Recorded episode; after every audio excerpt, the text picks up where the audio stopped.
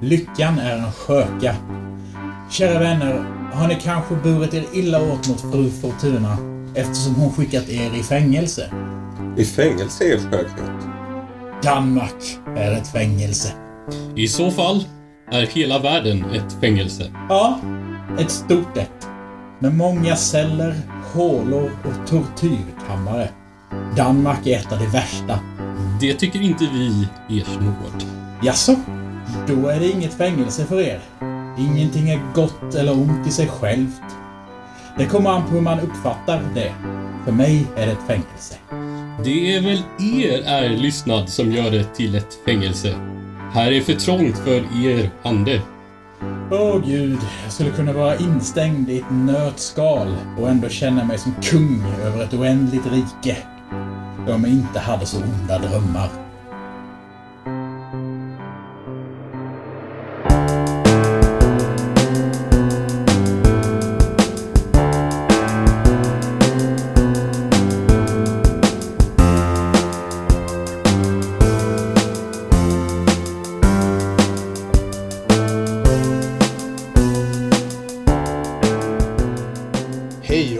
Till Demonpodden. Podden där vi tittar oss igenom Ingmar Bergmans filmografi under år 2019. Den här veckan har vi ett lite mer speciellt avsnitt av Demonpodden. Vanligtvis sitter ju jag, Björn och Aron på varsitt håll, pratar med varandra över Skype efter att ha sett filmen någon gång under den tidigare veckan. Den här veckan gjorde vi så att vi satte oss i ett och samma rum i Björns lya i Stockholm och tittade på filmen tillsammans. Bara en liten stund här innan inspelning. Och bortsett från att jag, Kalle, Björn och Aron är här som alltid, så har vi även fått med oss två gäster. Till att börja med har jag med mig Rickard Söderlund Hej hej! och eh, Olof Ekström. Kul att vara här. Ja, men innan vi ger oss in på veckans film, Fängelse, så kan vi väl presentera våra gäster lite närmare. Rickard, vem är du? Vem är jag? Jag är en eh, skåning i Småland som eh, har ett intressant förhållande till eh, populärkultur. För jag hatar sånt som folk tycker om. Ända till jag ser det, då tycker jag om det. Och hur känner du Ingmar? Eller känner du Ingmar alls? Eller var det din första upplevelse det här? Nej, jag, jag känner Ingmar sedan tidigare. Jag är stort fan av Persona och Smultronstället framför allt. Två fantastiska filmer. Resten är säkert skitdåliga, men de har jag inte sett. Jo, jag har sett ett par till, men de är också bra. Men de jag inte har sett är nog dåliga. Och du då Olof? Vem är du? Eh, Jag är en eh, småländsk jurist som bor i Stockholm. Jag eh, känner Ingmar Bergman, Ingmar, lite grann. Alltså så här, det är nog många filmer jag inte har sett.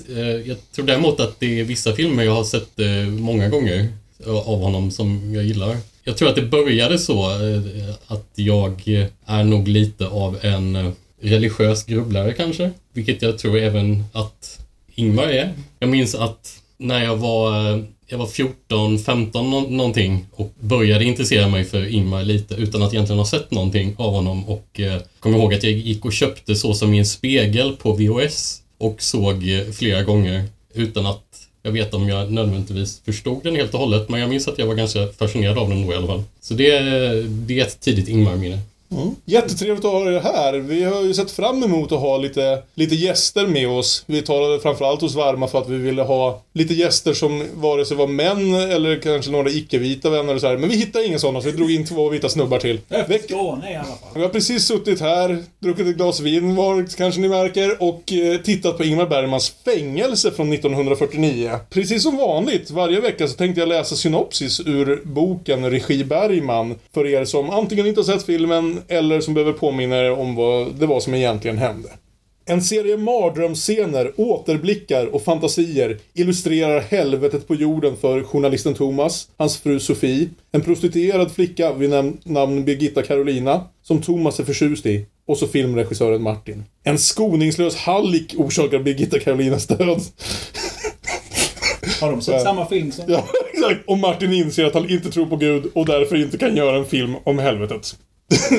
Ja, Jag, jag, jag, jag, gillar, jag gillar att en ung kvinnas död får dig att skratta, Kalle.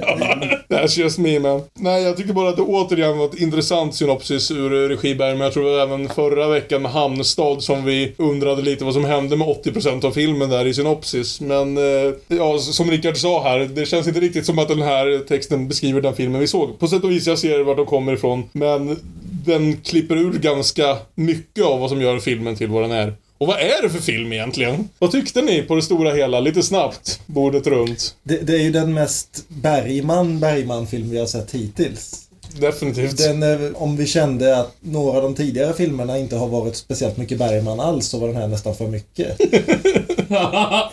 Och det är också första gången han filmar ett eget manus. Ett eget, ingen förlaga manus. Och, och då ville han väl få in alla sina mörkaste, men samtidigt också humoristiska grejer. Jag gillade den. Jag tycker inte den hänger ihop för fem öre, men jag gillar den. Det är den mest, den mest förvirrade av filmerna hittills, men det är också den roligaste. Det är också mycket möjligt den som har mina favoritskådespelarinsatser hittills. Men eh, det märks ju också att någonstans för att han skulle få filma sitt eget manus, eh, så utbytet mot det var att han inte fick särskilt mycket pengar att göra det här för. Så om man jämför den med hur Hamnstad såg ut förra veckan, som var liksom en riktigt snygg film, filmad eh, Rossellini-style i riktiga miljöer och som verkligen kändes som att nu hade han trappat upp ett steg. Det här känns ju i mångt och mycket som en filmad teaterpjäs, vilket är precis vad den är. Det är ibland, ibland tycker man sig till och med kunna se kulisserna i scener som inte är meningen att ha kulisser i sig. Men eh, testerna då? Rickard, vad säger du? Vad har du att säga om fängelse? Jag tyckte om den. Det, det, det brukar bli så med Bergman att jag tycker om den när jag ser den. Jag, för synopsis då, som, där de nämner huvudpersonen som tredje person. Den, den prostituerade flickan. Som det känns som filmen egentligen handlar om. Och de andra, är, de andra är där för att se ut som filmen handlar om dem, men det handlar ju om henne. Jag vet inte, det var mest min kritik mot synopsis jag fastnade vid.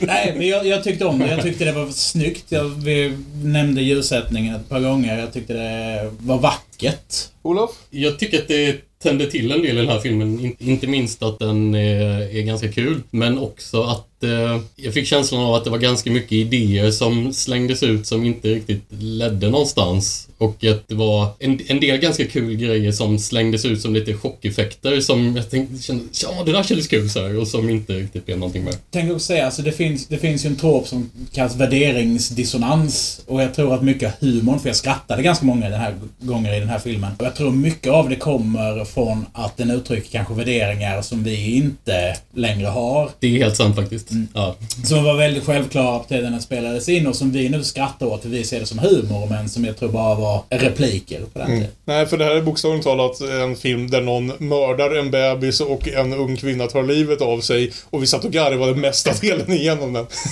så om du säger något om oss eller något om filmen, jag tror du säger det är nog lite av båda, båda det Men Jag tyckte det var en underbar film. Och hade Bergman liksom gått och dött tragiskt vintern 49 så hade ju det här varit en storartad kultfilm. Och vi hade minns honom på ett helt annat sätt. Det var ju full gas. Han slängde in allt.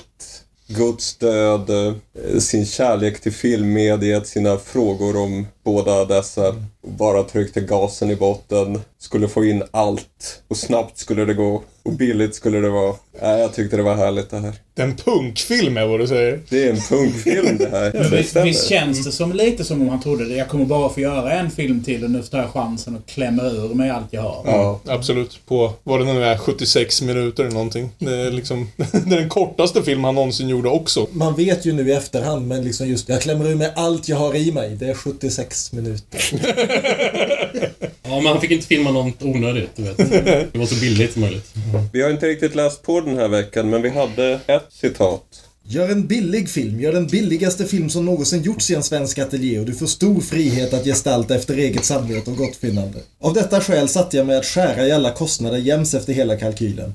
Programmet kommer att se ut så här. Minska antalet inspelningsdagar, begränsa byggnationen, inga statister, ingen eller sparsam musik, förbud på övertid, begränsad filmåtgång, exteriörfilmning utan ljud och ljus, förlägga allt repetitionsarbete utanför inspelningstiden, börja tidigt på morgnarna, se till att inspelandet av överflödigt material förhindras, minutiös trimning av manuskriptet. Förfarandet låter inte märkvärdigt i och för sig, man gör långa scener. Man gör långa scener där längden inte märks. Och det är sant. Sant. Man märkte inte de långa scenerna.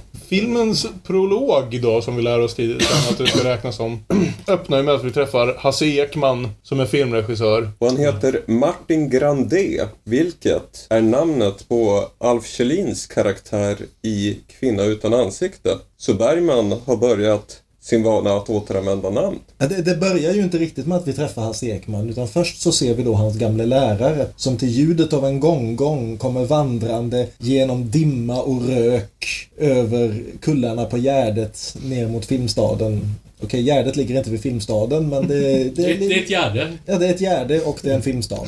Och han kommer in i den här filmstudion som mest av allt låter som och ser ut som en fabrik. Det liksom går en cirkelsåg och det slamrar och det pangar och det dundrar och det... Ja, det låter ganska exakt som fabriken i förra filmen. Och det blir liksom Bergmans bild av hur det är att jobba på eh, svensk filmindustri och spotta ur sig manus och filmer en efter annan blir ju inte helt positiv. Mm, så vi träffar Martin och vi träffar hans eh, gamla mattelärare lär oss, Paul, som har kommit för att träffa hans gamla elev här nu då, som har vuxit upp och blivit filmregissör. Därför att Paul har minsann haft en bra idé till en film medan han har suttit på mentalsjukhus en liten sväng. Min filmidé den är ju egentligen ganska enkel. Jaha. Men jag vore mycket glad om ni inte skrattade ut mig.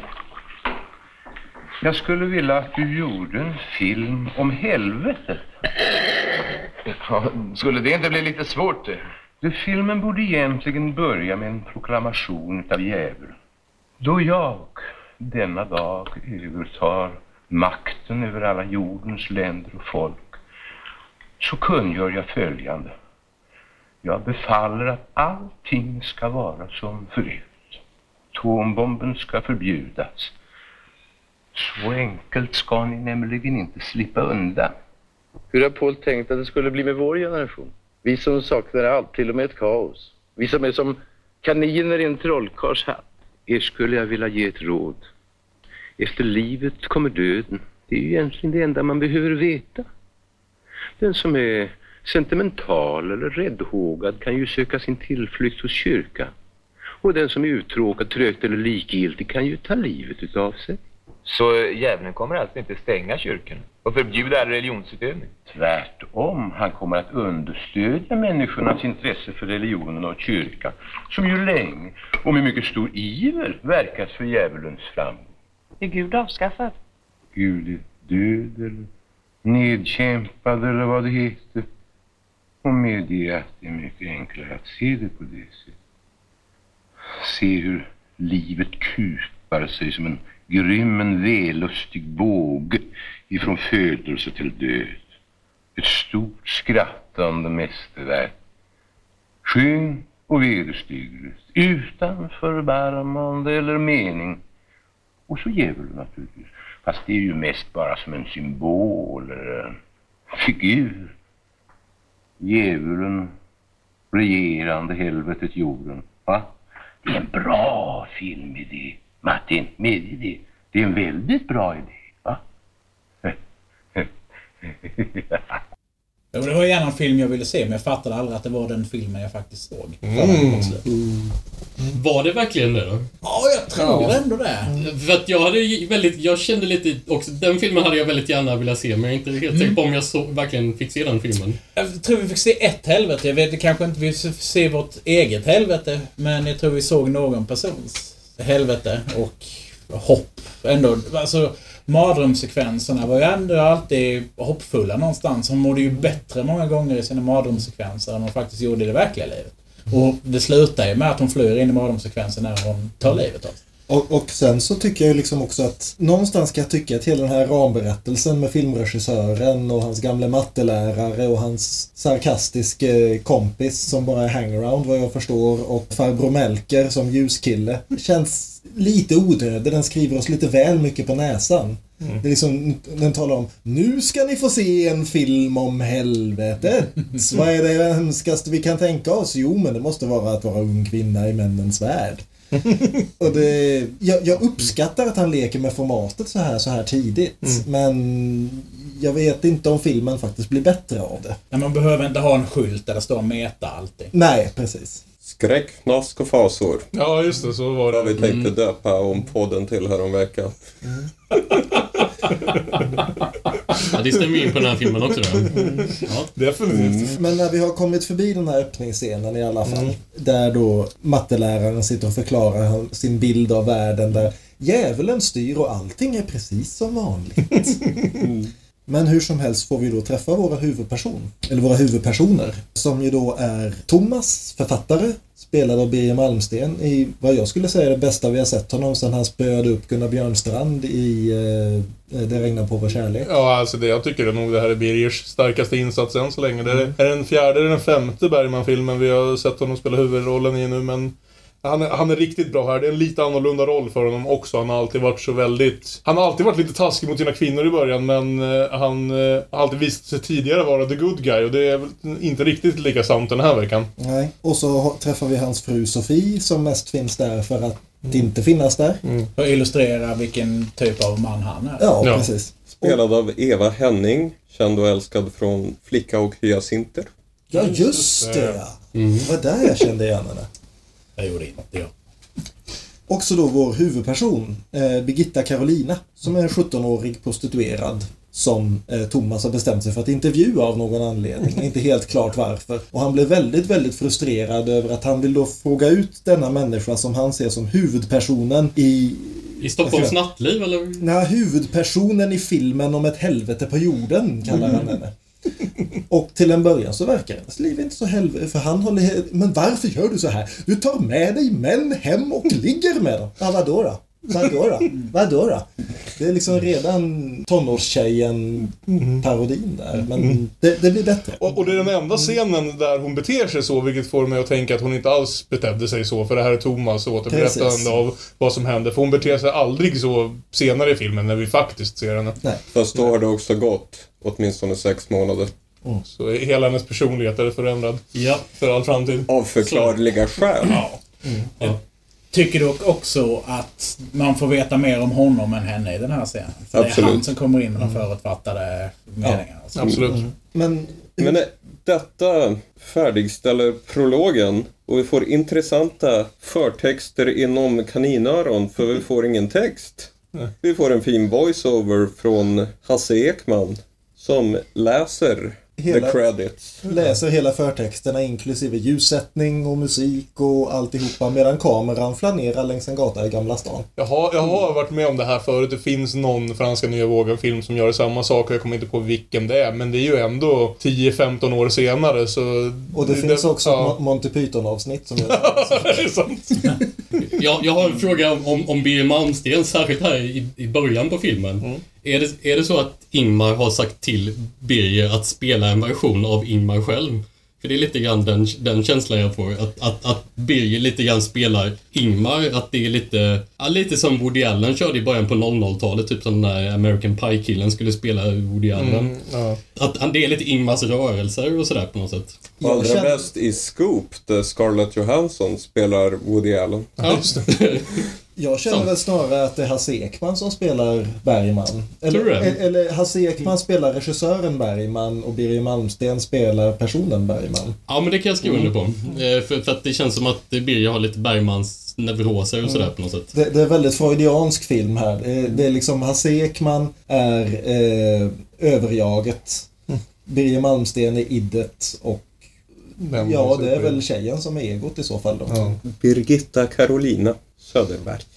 Hur som helst så flashar vi framåt sex månader och vi ser Birgitta Carolina snubbla upp för en trappa i eh, födslovåndor. Var exakt det An- ordet. antar jag att det ska se ut för det som alltid när manliga regissörer ska filma liksom en kvinna som precis ska föda barn, att hon ser ut att dö i cancer. Och så såg du knivhuggen Ja, fyra precis. gånger i magen.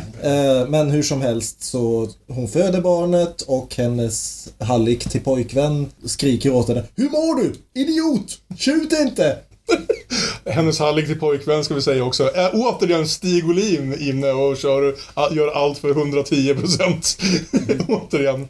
Jack is back baby! Det var inga, det var inga återhållna känslor i den karaktären. Nej, Nej, eller, att, att ham it up eh, är ju ett uttryck som används. Som, Ja. Och för andra filmen i raken så får vi referenser både till abort och till barnavårdsanstalter. Och det slutar hur som helst med att hennes hallick till pojkvän och hennes systembolagsanställde och därmed väldigt sansade och möjligen lesbiska syster tar barnet och har ihjäl det.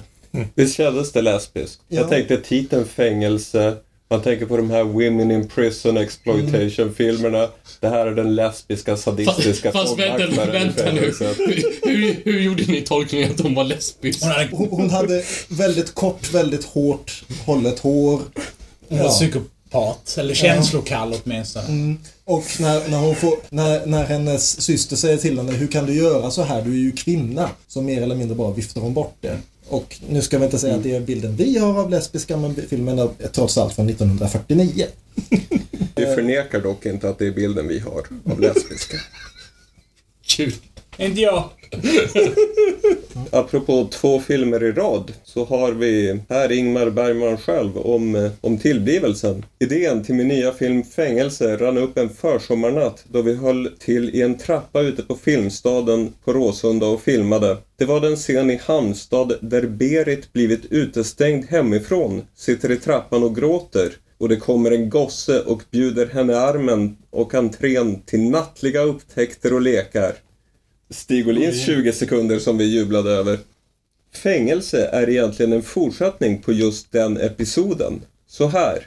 I trappan sitter Berit, en jäntunge på 17 år utan något vidare själsliv, utan särskild förmåga att ta vara på sig själv, en fågelunge sparkad ur boet. Hur går det för henne om hon inte som i Halmstad träffar den präktige sjömannen? Det var alltså hur det här kom till. Inte för att påstå att jag kan Bergman bättre än Bergman. Jag tycker han är lite taskig mot Berit här. Jag tycker Berit hade ett ganska bra inre själsliv. Snarare en av de bättre karaktärer han har gjort innan den här filmen. Men, Men hur som helst så... eh, Vi går ju tillbaka här lite kort till filmstudion. mm. Eftersom de går hela tiden in och ut ur den här filmstudion och byter metanivå lite grann. Då kommer ju, apropå det här med att eh, Hasse Ekman är in, regissörs-Bergman, så diskuterar de ju just det här med metaforer och alltihopa. Och Bergman, förlåt Hasse Ekman, säger då det här Min bluff äkta, alltså den går inte att genomskåda.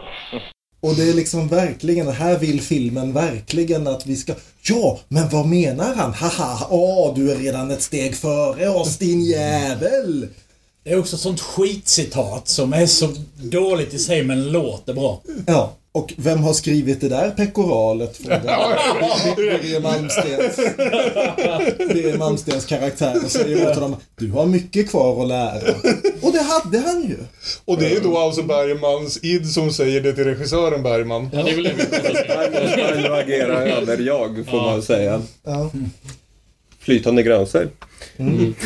Hasse Ekman konstaterar också att den alkoholism som eh, Birger slash Thomas lagt sig till med är bara ett poserande. Och man tänker ju då på Bergmans eget poserande med vissa av sämre sidor som man ibland överdrev. Som Harry Schein sa att enbart Ingmar Bergman kan kokettera med att ha varit nazist.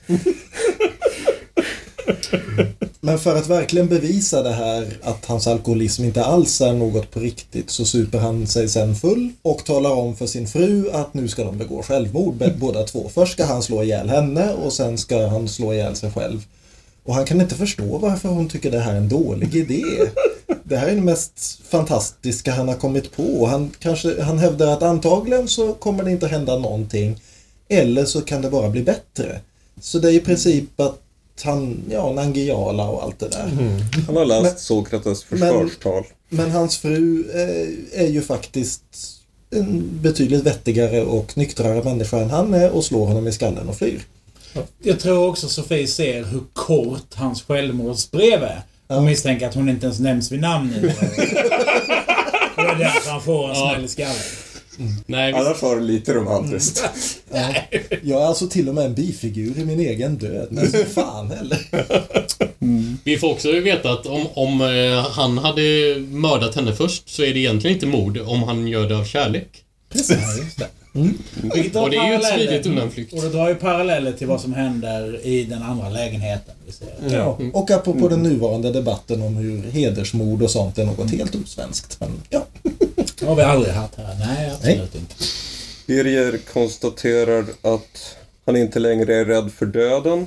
Han var bara rädd för dödsögonblicket.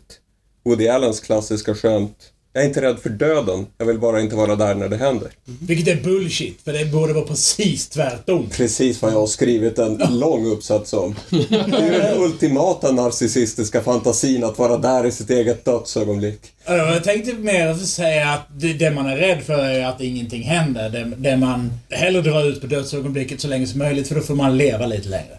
Och där har vi dock Hamlets eleganta svar att ah, det vore ju fint att ta livet av sig, men tänk om det finns ett jävla liv efter detta. Då Aj, there's the rub. kontrar vi med Magnus Uggla. Varför ta livet av sig om man ändå inte får höra snacket efteråt? En filosofistudent och en kulturstudent går in i ett rum och dricker varsitt glas rödvin. En tar fram Shakespeare, en tar fram Magnus Uggla. Hur som helst. Polisen kommer och hämtar eh, Birgitta Carolina. Birgitta Carolina därför att de misstänker att hon inte sover så bra om nätterna. säger de. Vil- Vilket är en väldigt fin omskrivning. Jag kan verkligen inte säga någonting rätt ut. Här är det, det är verkligen någonstans vansinnigt manlig grej. Det här, vi kan inte säga att hon är hora. Nej, nej men vi måste, nej. Ja, men vi, vi, vi, vi armbågar varandra lite i sidan. Hon sover inte så bra om nätterna ändå. Hon springer också först ifrån polisen. Ja, det, det är en så himla fin scen här där hon, hon flyr ner i källaren och då springer hon förbi tvättstugan. För det här är innan det fanns tvättmaskiner att boka i alla eh, hyreshus. Så det finns en tvättstuga där det står ett gäng tanter med tvättbrädor och baljor och tvättar och pratar. Och det rummet som alltså är ljussatt och ljudsatt och där det står skådespelare och skrubbar i tagning efter tagning springer hon rakt förbi och vi får se det i ungefär en och en halv sekund. Och jag älskar just sådana små detaljer, speciellt i en film som är ultralåg budget. Det är hela tiden den här känslan av att det, det är där som han visar liksom någonstans att han vill att det ska vara något mer än bara en filmad pjäs. Det finns hela tiden skymtar av en större värld runt omkring. Mm. Och det är det jag saknar till många av de här tidiga filmerna. Eh, Kris till exempel leder ju Ja. väldigt mycket av det att det var bara ett kammarspel med ungefär fem personer i. Men här finns det hela tiden resten av Stockholm myllrar förbi i kanterna. Och det är väldigt snyggt. Vad är de ute efter, de här poliserna i den här scenen egentligen då? De vill väl arrestera henne för att hon sover så illa om nätterna. Men jag vill nog ändå ifrågasätta juridiken i det här lite grann. Snälla, gör det. för för jag, jag undrar om det verkligen är olagligt att sälja sex vid den här tiden. Det tror faktiskt inte jag. Jag, jag kan förstå att, att hennes pojkvän och hennes syster håller på att försöka skrämma henne med det och att hon ska bli fråntagen barnet och du har be- begått en massa brott här och så. Två saker där. För det första är hon minderårig. Är hon det fortfarande? Ja, hon är Hon, 17. hon är 17 bast, myndighetsåldern var 21. Ja, då kan hon ju möjligen bli, bli omhändertagen av socialen då som Pre- hon pratar om i, precis. i, i någon scen. Och för det andra så är, ja, nu har jag inte läst på det här för 1949 gällde det kanske inte, men det, osedlighetslagar finns ju fortfarande. Tror väl att de hade avskaffat den här regeln att alla prostituerade måste vara skrivna hos en byrå. Det tror jag var avskaffat. Den den där att, att de var tvungen, tvungen att gå och eh, testa sig för könssjukdomar med jämna Ja, mellanrum och sådana grejer. Det tror jag var lite tidigare. Ja, men hur som helst så tror jag grundpoängen är att hon är 17 år och då är detta väldigt olagligt. Jag kan ju tänka mig att eh, också att polisen vill jävlas lite oavsett om de har helt liksom laglig grund för det. Att de, det, det här säkert kan ha hänt 1949. Så. Jag fick, bara- förlåt, eh, jag fick bara känslan av att det också var lite stageat. Att han hade bjudit dit poliserna, hennes pojkvän, för att skrämma henne. Intressant. Eh, För att scenen när han står jämte polisen överst trappan och hon har sprungit känns väldigt broderlig och kärvänlig som de har känt varandra sedan länge. Och de står och han tänder en cigg och de pratar lite halvskojigt. Men jag fick känslan direkt i början i alla fall av att det här var iscensatt för att skrämmas. Det är inte helt osannolikt kanske, för det, var, det har ju varit någon scen innan där, där pojkvännen och systern har försökt att skrämma upp henne just med det. Och så, för att hon ska hålla sig på mattan. Men hur som helst, eh, vad heter hon, Birgitta, jag orkar inte ta hela namnet, eh, springer förbi de här tvättande tanterna och springer in och gömmer sig och träffar en pojke i indianutstyrsel. Han har fått den minst lämpliga presenten av sin farbror som nyss har kommit hem från Amerika, nämligen en väldigt skarp kniv som nu hans mamma är ute och jagar honom för att den kan han inte hålla på och leka med. Det är väldigt taskigt. Han gömmer undan den här kniven här inne i det här rummet och eh, vi liksom mer eller mindre hoppade väl upp allihopa och ropade Hej Chekhov! För den här kniven kommer ju komma tillbaka såklart. Det var också bara, den benämndes faktiskt som en indiankniv. Ja, jag bara älskade ordet. Sen kommer vi alltså till polisstationen. Där Birger slash Thomas springer runt och meddelar att han har mördat sin fru. En polis sticker iväg med honom och vi nå- följer istället med Stig Olin. Notera En polis följer med en man som påstår sig ha slagit ihjäl en kvinna. En kriminalpolis, ingen backup. Men ja, det var en annan tid. var- De står, och med- de kanske står utanför eh, lägenheten och väntar. Till och med en uniformerad var det, så det var inte ens en kriminalare. Nej, just det var det. verkligen en Det basse. var en konstapel. Ja. Ja. Hur, hur som helst så eh, släpar de in eh, Birgitta Carolina och hennes hallick till pojkvän i ett rum. Och han skriker att hon är minsann en ärbar flicka, hon har anställning på EPA. Och EPA blev inte glada över det här. Nej, det har jag också läst. de, de skrev någon debattartikel eller något och protesterade Ja. mot detta. Jag kan läsa Bergmans svar. På förekommen anledning, konstaterar Bergman i Aftonbladet. På förekommen anledning ber jag härmed som svar på de protester vilka från EPA riktats mot min film Fängelse få framhålla att jag inte anser att de kvinnliga expediterna på EPA vara gatuflickor. Lika lite som jag betraktar polisens tjänstemän som sutenörer, systemets personal som barnamördare, 40-talistförfattare som alkoholister eller matematiklärare som sinnesrubbade. Två ändå där som jag skulle ändå kunna skriva. Men hur som helst, polisernas replik på det här är ju nästan lika bra. För de säger, jaha, vi har minsann sett henne på både Humlegårdsgatan och Linnégatan. Vilket gissningsvis på den tiden faktiskt var Red Light District. Men idag så känns ju varken Humlegårdsgatan eller Linnégatan sådär väldigt osedliga. I mitt huvud har det alltid varit Malmskillnadsgatan som symboliserar. Jo, men det är nog- det är nog mycket långt senare. Det är nog mycket senare. Det är nog 60, 70, 80-tal det. Också hela grejen med good cop, bad cop. Här har vi kafferepskopp och andra sidan kafferepskopp och sen fyllot som vandrar in och sjunger psalmer. Som vandrar in, ja. Du, du, du, du menar kaffekopp? ja. Åh, nej! Nej! Jag kräver att du tar tillbaka det. Men fyllot som vandrar in, det var väl jävligt underligt. Det var jättefint. Ja, det var ett ganska gulligt fyllo, det var det ju. Jo, man, man får ju säga Bergman gör ju det mesta han kan av de få statister slash kompisar slash... Det var ju speaking Liksom- part liksom. Ja, så det är, precis. ändå, det är högre lönebrack. Mm. Men sen i alla fall så springer då våra två huvudpersoner ihop och slår Ja, Ber- Birger har fått hem polisen. Mm. Det visar sig att det inte ligger ett lik av Eva Sofie. Henning Sofie. Sofie. Hon har istället lämnat ett brev där hon förklarar att vi kanske ska göra slut. Du är ju dum i huvudet. Du försökte ju ändå få, få mig att ta livet av mig och sen så behövde jag slå dig i flaskan, äh, med förlåt för flaska det. i huvudet. Ja, precis. Förlåt om det det gjorde gjorde för ont. Jag tror till och med hon skrev du har övertygat mig om att det är dags att ta en paus eller något. eller något. We were on the break! Men sen, till slut, springer de på varandra på stan. Ja, de, de springer ihop och har ingenstans att ta vägen och Thomas kommer på att vänta nu. För en väldig när jag var liten så hade jag en moster som bodde på pensionat. Hon har visserligen varit död i tio år men pensionatsföreståndaren kommer säkert ihåg mig.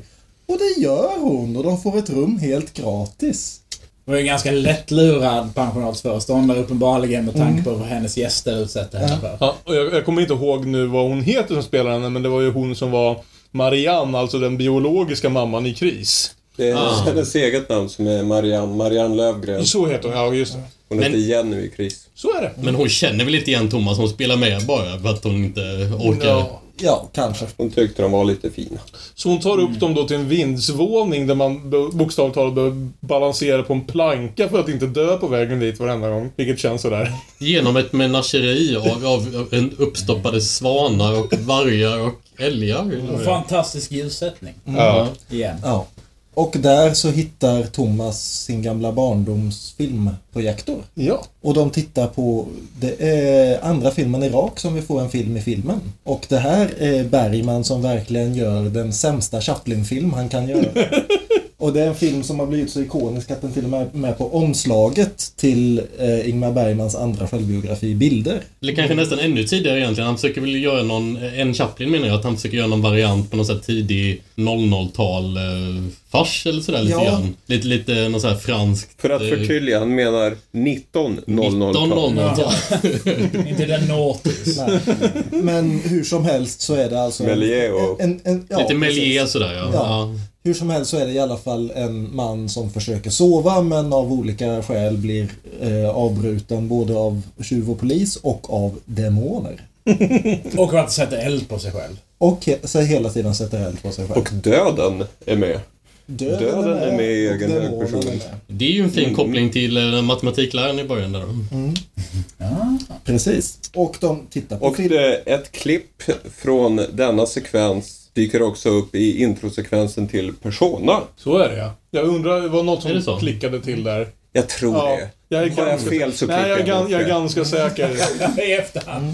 Och Thomas berättar för Birgitta Carolina att han har lämnat sin fru eftersom, citat, vi höll på att ta livet av varann. Vilket, Han The Royal We. Det är, det är en fin omskrivning av historien. ja, Ja, men det är jag tror det är så han ser det, men det är också... Det är i regel en manlig grej att se det. Att, ja, men det var bådas fel. ja, precis. Varpå hon berättar om en dröm hon har haft och sen därefter får vi också se drömmen. Ja, det är jätteintressant det här att de gjorde det beslutet att... För jag, tänkte, jag höll på att säga, ja men vad intressant, här får vi en mardrömssekvens som berättas, eller en drömsekvens snarare, när hon berättar den första gången, som berättas i ord snarare än i bilder. Men sen bestämmer man sig för att, ja men det räckte inte, vi gör både och. Så, ja. För att filmen hade bara varit, vadå, 71 minuter annars. Så det, Jag tyckte om det. ja. Men det är också att det slutar väldigt lyckligt när hon först berättar den. Hon är så glad hon nästan går sönder. Den här gången sover hon vidare och vaknar så ledsen att hon nästan går sönder. Det är också bland det intensivaste, både skådespelarmässigt och ljussättningsmässigt, när hon beskriver sin dröm första gången. Och det zoomar närmare och närmare ansikten, Ja. extreme Mm. close-up. Och det, det är nog den delen av filmen som berörde mig mest. Och det är ju där man, återigen som man verkligen känner igen den som Bergman ska bli med just de här inzoomningarna på ansiktena och den här intensiteten i de här mo- monologerna och... Ja. Och återigen ljussättningen bara på ett ansikte. Mm. Hur stor skillnad det kan göra. Vi kan nämna att Birgitta Carolina spelas av Doris Svedlund, som jag inte har någon ytterligare bekantskap med, men hon gör väldigt fint ifrån sig. Men den, den, var, den var väldigt häftig den här mardrömssekvensen. ja, det, Och också ganska freudiansk tror jag. Och jag vet inte hur mycket Ingmar har tänkt på det här men om, men, eh, om man funderar lite på freudiansk eh, bildmetaforer och sådär så har han ju klämt in en hel del sådana tror jag med, med den där droppande vattenkranen som ju Freud skulle säga är en, en penis. Och, och eh, det fyllda vattenkaret som det kvinnliga skötet. Jaha, jag skulle också säga att det är en penis. Och, sen, Och, eh, och, och en fisken, penis. eh, fisken är såklart eh, en penis. Bilen en penis. Så, som eh, fisken får huvudet avbrutet, det är en kastrering. De drar undan de här grenarna, de går fram till, till, till skötet då. Det, det är ju onani, så att säga. Ja, och dockan är könlös. Ja. Men, men den överkörda gunghästen då? Det är, det är också Det- en det- det- det- det- igen. Ibland, är, så- ibland är en gunghäst bara gunghäst.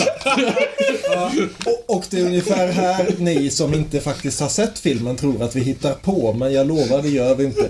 Det är alltså en drömsekvens som innehåller en överkörd gunghäst, Jag kan en, gå igenom en strypt drömsekvensen. gädda och en kamera som fastnar i en slöja. Och det är faktiskt väldigt kraftfullt egentligen. Man kan. Vi kan förlöjliga det efteråt, men det är Det i fungerar. ögonblicket när man tittar på det så fungerar det. Det är ju, Jag- det är ändå kanske nu. det. Jag, jag höll på att tänka, det kan, är det vår fjärde mardrömssekvens i Bergman? Femte? Vi hade Hets. Vi hade hets, vi hade, Hade kris. kris? Ja, på tåget. Mm, På tåget, Ja. bästa scenen. Det regnar. Har ingen mardrömssekvens så, va? Ja, det beror på hur du tolkar den där scenen på ölcaféet.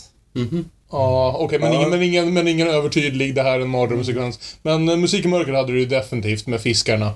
Och...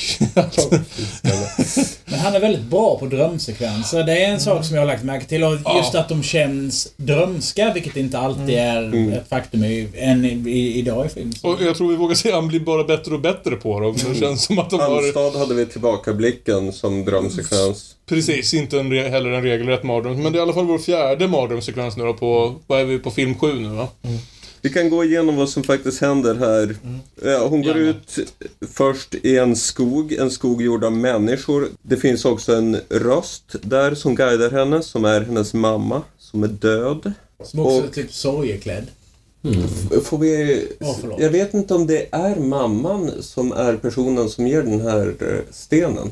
Jag tänker att mamman inte har någon kropp. Den här stenen får hon av någon annan. Så det är någon som pratar över när den här personen bara kommer Ja, fram? det är en tyst röst. Vem är du? Det är jag, din mamma. Ja, det tänkte jag inte på. Och sen så får hon den här eh, pärlan som hon blev så glad över när hon berättade om drömmen. Av en tyst, eh, sorgeklädd kvinna. Eventuellt en bild av hennes mor. Vi utesluter inget. Men, och där drömmen som hon berättade den tog slut. Men nu vandrar hon vidare, guidad av hennes mamma. Och de hittar Thomas, Birger Malmsten, som fått sin gunghäst överkörd. Vid olyckan. Och bilen har tydligen voltat, så illa var olyckan. Så han sitter där i den omkullvälta bilen och gråter över sin gunghäst. Vilket ju alltså betyder att han har varit i gatan med sin gunghäst och någon har kommit och kört över den. Men det är inget fokus som bryr sig på vad som faktiskt hände och hände med personen som körde den här voltande bilen. Utan det... Det var nog en sån här self-driving car. Ja. Tesla. Och Thomas ansikte förbyts till en Dracula-liknande figur. Som, som vi sen kommer att få veta vad, vad det är för någon. Och sen Stig Olin, pojkvännen slash halliken Peter, bryter huvudet av en docka som då och då är en gädda. Innan dess så ser hon ju också en eh, scen bakom ett glasfönster som Ja. hon desperat vill få uppmärksamheten från men som inte... Ingenting händer men... Mm. Och det har ju att göra med den dotter som har tagits ifrån henne av, av Peter och Linnea, pojkvännen och systern. Jag fastnar lite i, där de, när de har haft, gått igenom den här mardrömssekvensen och då ska, ska reagera på den, Thomas och, och Birgitta Karolina, då, då så, den här mardrömmen då har ju fått eh, henne att eh, tvingat upp till ytan det här barnet som hon har lämnat bort och, och glömt bort. Men, men, men eh, alltså kanske är jag lite förvirrad över timelinen här, men, för det känns liksom som att det har gått några dagar eller en vecka eller två veckor, jag vet inte. Men, men jag ska alltså känna att jag ska tro på att hon har fött ett barn, lämnat bort ett barn, glömt bort att hon har lämnat bort ett barn, drömmer en mardröm, kom ihåg att hon har lämnat bort det här barnet som om, som om det har liksom varit en lång traumatisk tid som har gått och sådär. Men det känns som att det var typ i förrgår. Eller hur? Det var förvirrat att hon hade glömt bort det. Jag, Ja. jag, jag, jag, tror, jag tolkar det inte som att hon hade glömt bort det så mycket som att hon hade försökt låta bli att... Ja, det var förträngt. Ja, Ja. precis. Däremot, jag hade också... Jag förstår precis var det kommer ifrån. Jag hade också hellre sett en längre tid. Mm. Mm. För, för att göra det trovärdigt. Sen å andra sidan, det finns många andra saker så det är inte... Kan hänga upp mig på jättemycket. Men jag förstår var det kommer Ja. På det här pensionatet Mm. så upplever ju eh, då Birgitta Carolina. Birgitta Karolina vad hon egentligen nog någonstans ville uppleva när hennes barn föddes. Den här scenen som de två unga älskande ogifta eh, upplevde i köket tillsammans. Men också samtidigt är de äldre ogifta upplevde tillsammans. Med gnabbet och liksom jagandet ut och ändå lite kärleksfullt förutsägbart. De hade, det känns som de hade gjort det tusen gånger innan. Och de som precis upplevde det för första gången men de var där tillsammans. Hon ser hela sin ark i den här scenen. Båda versioner av vad hon hade kunnat vilja bli. Hade saker sett Ja. annorlunda ut. Ja, det som förnekas henne.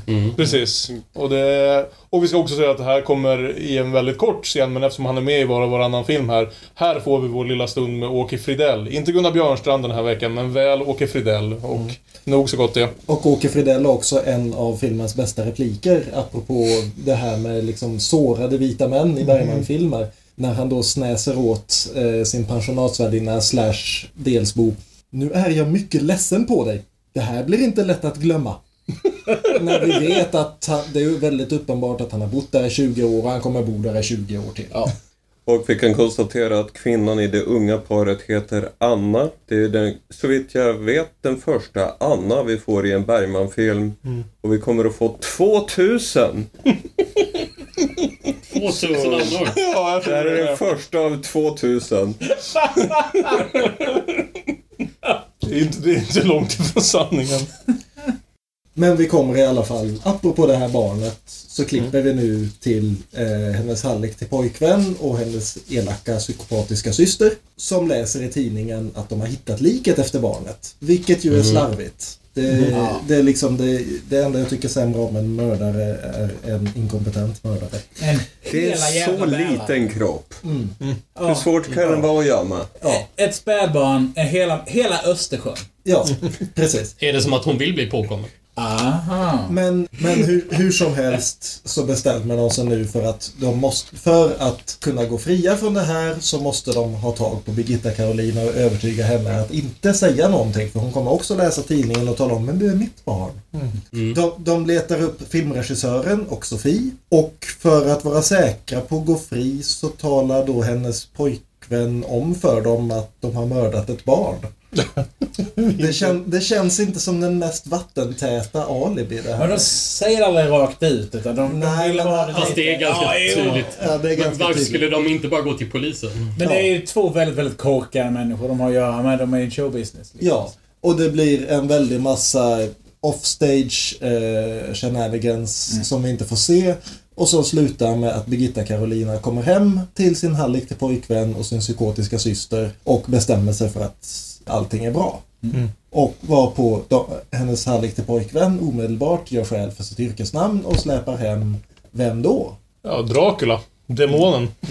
Först vill jag nämna, där när Birgitta Carolina har kommit hem så kommer också vår vän Birger och hälsa på. Och Stig Olin får den härliga repliken Hon stannar här, men det gör inte ni.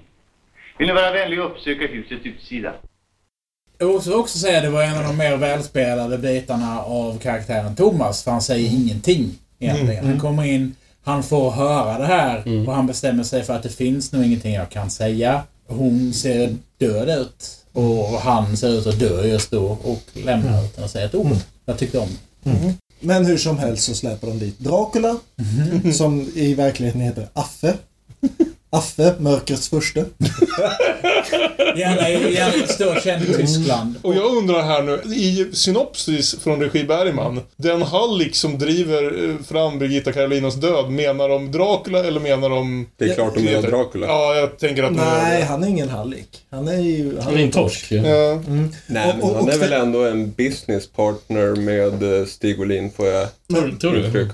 Men det är hur som helst här jag tycker att filmens handling har sin stora brist. Det hade funkat så väldigt mycket bättre om de hade introducerat honom bara lite grann i första akten. Ja. Ja. Därför att nu dyker Mm, han upp verkligen. först i en mardrömsscen och sen i filmens stora kulmen. Mm. Och vi förstår vilken roll han spelar och vi förstår att här liksom kraschar allting för henne. Och han misshandlar henne och flyr och hon bryter ihop fullständigt. Det hade funkat så mycket bättre om vi hade fått etablera honom tidigare i filmen också. Och Stig Olin gör sin rakryggade insats när Affe tydligt hotar Birgitta Carolina. Han går och lägger sig. ja, han, ger, han är också lite rädd för Affe. Birgitta Carolina har fått lite självförtroende av sin tid med Birger och säger emot denna Affe. Och hur filmas det när hon säger emot i denna starka scen som handlar om just henne? Jo, det är närbild på hennes ansikte. Det är Ingmar Bergman som har regisserat det här. Om någon någonsin tvekade. Är du rädd för mig? Alla äckliga, fega och jävliga män som jag kan komma ihåg. Men du den värsta. Lustig utgångspunkt. För det vi ska sysselsätta oss med nu. Ja, så tror du? För du, jag har ofta undrat. Har en sån som du någon nöje av det? Mm? Det beror på. Mig gillar du. Nej, har jag sagt. Inte som människa kanske. På det andra viset. Ännu mindre så. Var inte fräck du. Jag är sån som du gör med. Där har du läst någonstans. Jag vet vad såna som du kallas. Ja, ja. Jag vet. Hur sådana som du ska behandlas. Ja, om han våldtar henne, han bränner henne med cigaretter och Birgitta Carolina går ner i källaren, letar upp indiankniven och begår självmord. Nu beskriver du det väldigt prosaiskt här men det här är ju kanske den mest välfilmade eh, scenen i hela filmen.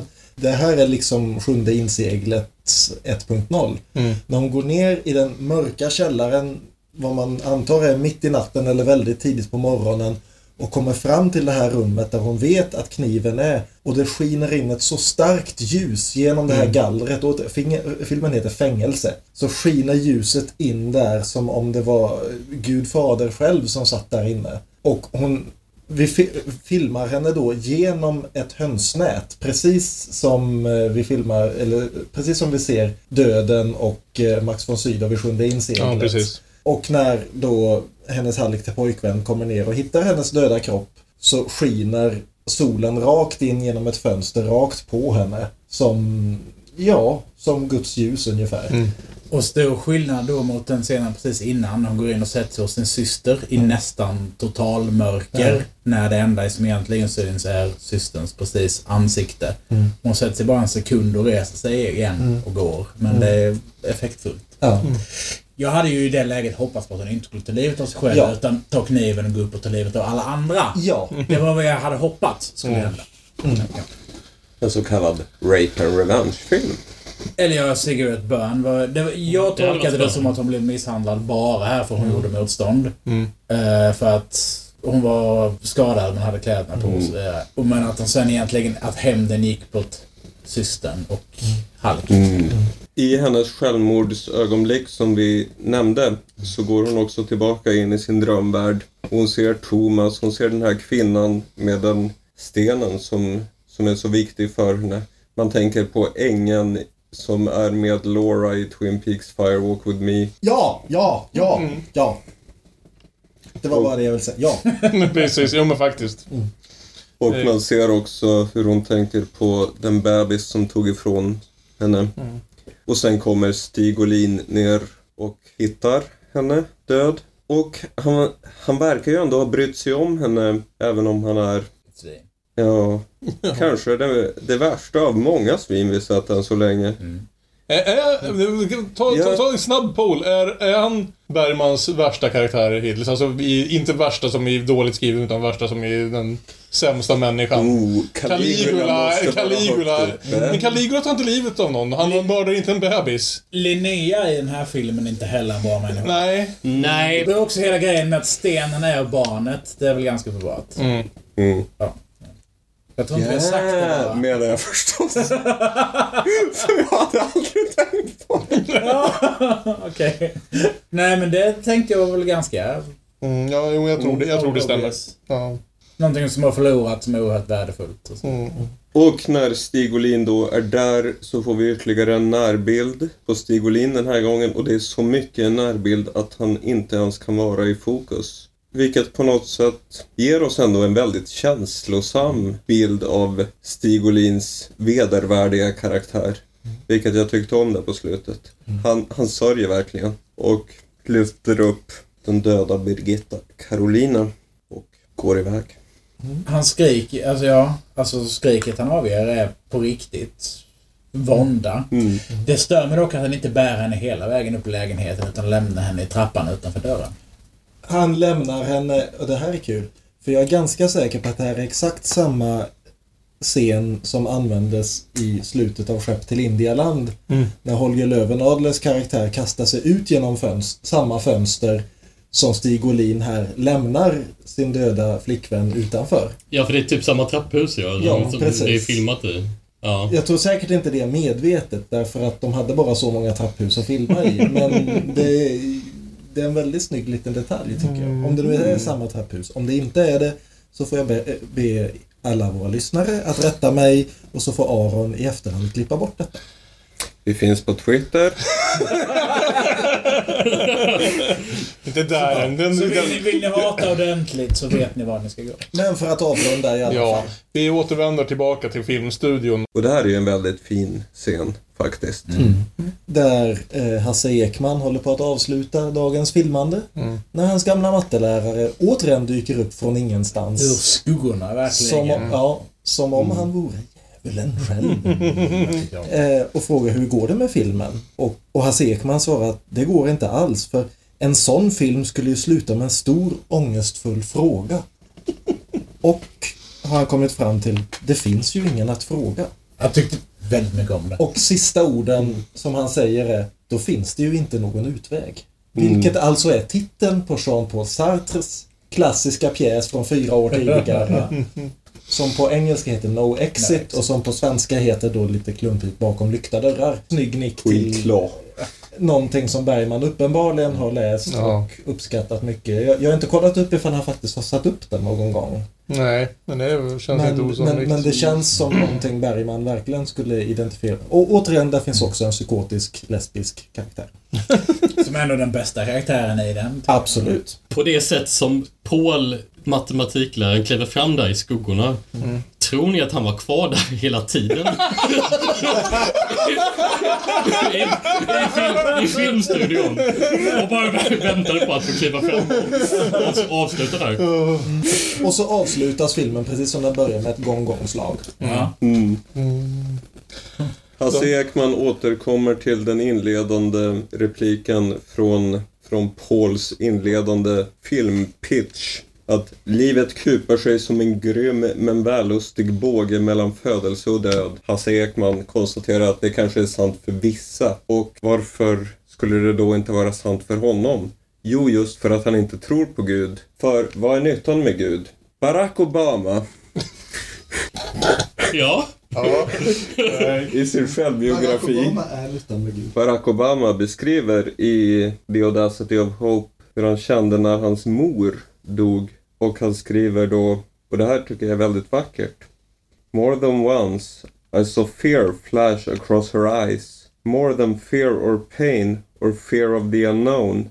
It was the sheer loneliness of death that frightened her, I think. The notion that on this final journey, on this last adventure, she would have no one to fully share her experiences with, no one who could marvel with her at the body's capacity to inflict pain on itself or laugh at the stark absurdity of life once one's hair starts falling out and one's salivary glands shut down. Hans mor, antropolog och respekterar alla religioner men in, inte någon brinnande engagemang för någon särskild, ingen speciell tro som ger henne den här tillhörighetskänslan. Vilket får Obama, Barack, att börja fundera på varför folk behöver religion. Och han konstaterar att det är för att de behöver ett narrativt ark för deras liv.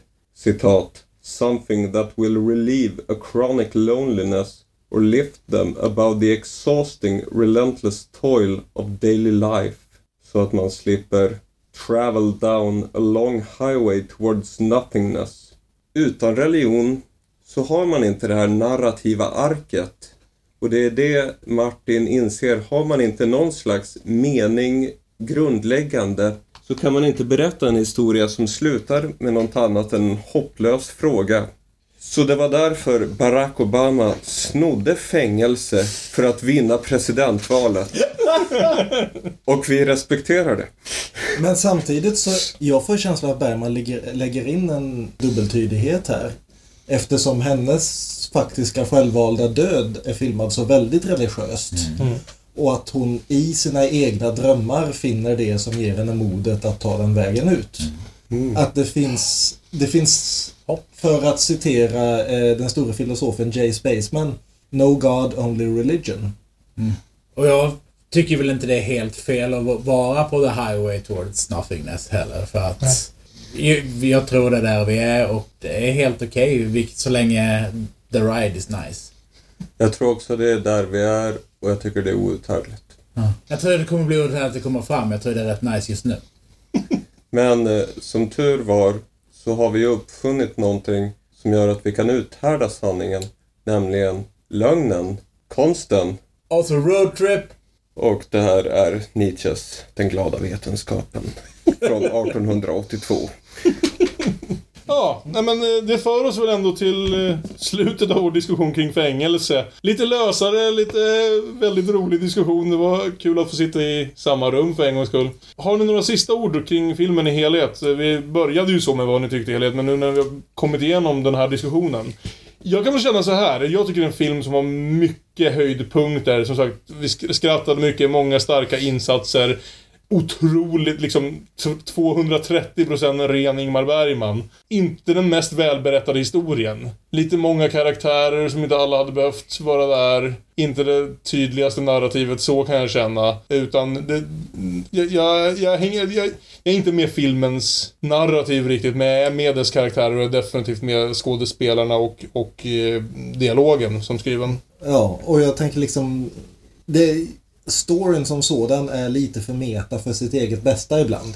Som sagt, återigen den här ramberättelsen skadar filmen egentligen. Det, det är liksom verkligen skriva oss på näsan exakt vilka existentialistiska texter han vill att vi ska läsa. Och det, han kommer att bli bättre på det här. Samtidigt, det är en kul inramning. En mycket roligare inramning än vad det skett till Indialand till exempel. Mhm. Där den verkligen bara tog upp plats. Och att se Hasse Ekman i en Bergman-film är ju jättekul också. Jag slogs av det hur oerhört lik han här är son på. Alltså, mm, att Gösta Ekman, det är liksom, de har samma tonfall, de har samma profil, allting. Mm. Men ja, nej men jag gillade filmen även om jag tyckte att den var en satans röra ibland. Men det var en rolig röra. Med lite barnamord och självmord. Och... Jag tyckte väldigt mycket om det här. Ja. Ja, det är en röra, men den bara accepterar det och trycker i. Jag tyckte det var härligt. Väldigt effulgent. Bra! För er, som Jag sitter, gillade det här. för er som sitter och räknar weed och referenser så tror jag det var vår första för veckan i alla fall. Eh, Olof, har du några sista tankar? Ehm, ja, nej men jag, jag tycker, jag hade väldigt roligt. Men jag tycker väl fortfarande att det, det var lite spretigt och i, i, idéer som, som ehm, slängdes ut på ett lite konstigt sätt ibland. Men, men jag kan också uppskatta att eh, han bara tog de här idéerna och körde med dem ibland. Rickard? Ja, eh, det är ju en film som typ kryper upp i sitt eget arsle lite. Men jag gillar det på det stora hela. Mm. Ja, jag tycker det är... Alltså skådespelarna gör vad de kan och det, det är inte deras fel att det fortfarande inte riktigt funkar Bergman-mässigt. Ja. Nej, nej men den kryper upp i sitt eget arsle men liksom Richard Gere så har den kul där mellan den... Dubbelbull, dubbelspel, parhäst, filmfest. Då har vi kommit fram till den del av veckans avsnitt där vi var och en rekommenderar en film som vi vill para ihop med fängelse. En film som vi på ett eller annat sätt tycker passar tematiskt i det segmentet som vi kallar dubbelspel, eller dubbelbull, eller möjligen parhäst. Något av dem. Eh, Och den här veckan, vi kan väl börja med en av våra två fina gäster som var med oss. Eh, Rickard, vad har du för val? Det jag ville då eh, dela med mig av att mardrömssekvenser och att djävulen egentligen har tagit över och, och hela biten med egentligen att helvete är här och nu. Så jag vill rekommendera TV-serien The Good Place. Eh, Som eh, behandlar ämnen som för 15 år sedan hade varit totalt tabu på amerikansk network television. Framförallt med de slutsatser de gör, eller har dragit än så länge. Vilket bland annat inkluderar det finns ingen etisk konsumtion under kapitalism. Ja, har de? Har du en film den här veckan? Förra veckan valde Kalle, när vi pratade om Halmstad Lilith, som sin dubbelspelshäst som ännu inte blivit överkörd.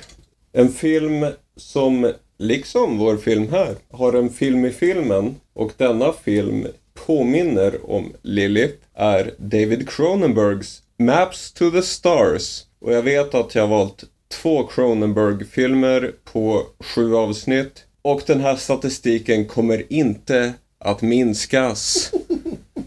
Men Maps to the Stars är en Hollywood-mardröm där vi får följa med i filmbranschen i en totalt meningslös tillvaro som också är vansinnigt rolig.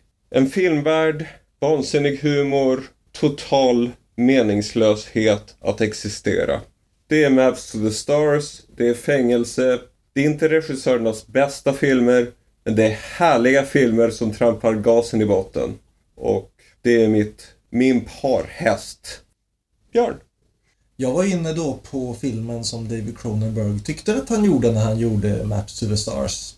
Nämligen eh, David Lynchs sista, får vi väl säga vid det här laget, film Inland Empire. från 2006. Som ju också är en film som börjar med en filminspelning där det förklaras vad filmen kommer att handla om. Varpå karaktärerna börjar gå vilse i metalagren runt filmen och inte helt säkra på när de agerar och när de är sig själva och när de är, spelar någon annans roll. När de lever för sig själva eller när de lever för någon annan. Och vad som är på riktigt och vad som är en mardröm. Och jag tror inte ens David Lynch själv vet exakt det. Jag vet att Laura Dern har sagt att hon har verkligen ingen aning om när hon spelar sig själv, när hon spelar en karaktär eller när hon spelar en karaktär som spelar en annan karaktär. Men det är en fantastisk jävla film och jag är ganska övertygad om att David Lynch har sett en hel del Bergman och där märks verkligen ett släktskap dem emellan. Mm. Så ja, Inland Empire, eller det ska skrivas med stora bokstäver så.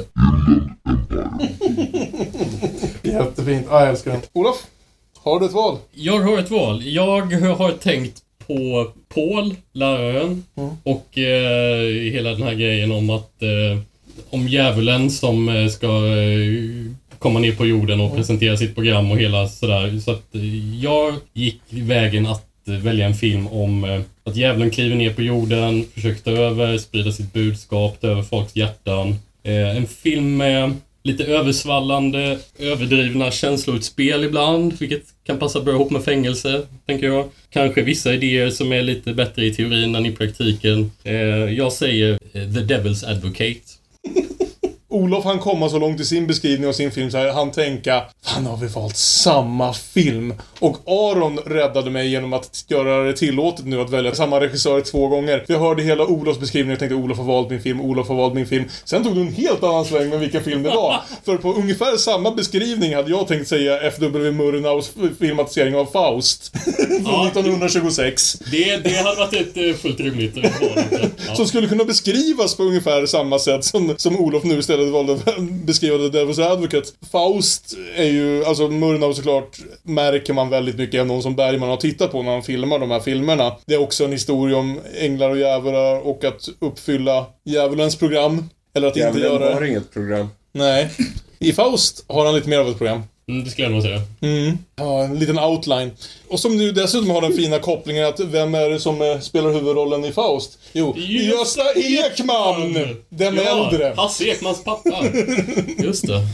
Så mitt val, Murnaus Faust från 1926 med Gösta Ekman, den äldre.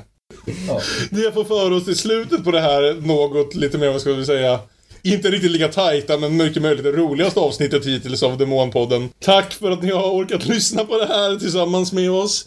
Vi finns på Twitter, vi finns på Instagram, vi finns på Facebook, vi finns på mail och då är det damonpodden at gmail.com. Den här veckan så bjöd Aron in oss i skapandet av veckans låt. Så med, med den så säger vi farväl för den här gången. Vi kommer förmodligen våga bjuda tillbaka gästerna några fler gånger. Kanske. Ha det så bra, vi hörs. Hej då! Puss och kram.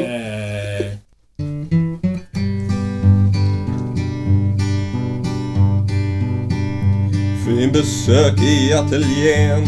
Runt, runt, runt i mitt fängelse. Paul har fått en filmidé. Runt, runt, runt i mitt fängelse. Tystnadtagning. Runt, runt, runt i mitt fängelse. Runt, runt, runt i mitt fängelse. Jorden tillhör djävulen. Runt, runt, runt i mitt fängelse. Känns stanken av den ruttna kroppen. Runt, runt, runt i mitt fängelse.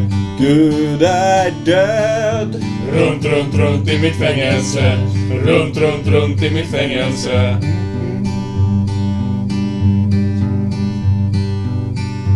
Elaka, hatfulla barn. Runt, runt, runt i mitt fängelse. Barn som får nacken Runt, runt, runt i mitt fängelse. Jag vill dö. Runt, runt, runt i mitt fängelse.